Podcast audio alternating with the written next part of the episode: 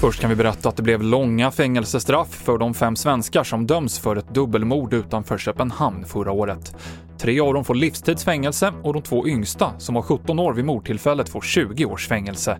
TV4s reporter Therese Cedergren är på plats i rätten i Danmark. Det här är rekordlånga fängelsestraff som har utdömts idag. Aldrig tidigare har faktiskt två stycken så här unga personer, eh, att de var under 18 när brottet begicks, så får de alltså ändå 20 års fängelse.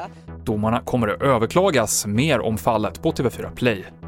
En pojke har blivit knivhuggen i närheten av en skola i Solna norr om Stockholm nu på eftermiddagen. Enligt polisen är han under 15 år och han har förts med ambulans till sjukhus. Det pågår en stor polisinsats, men ingen har blivit gripen i nuläget.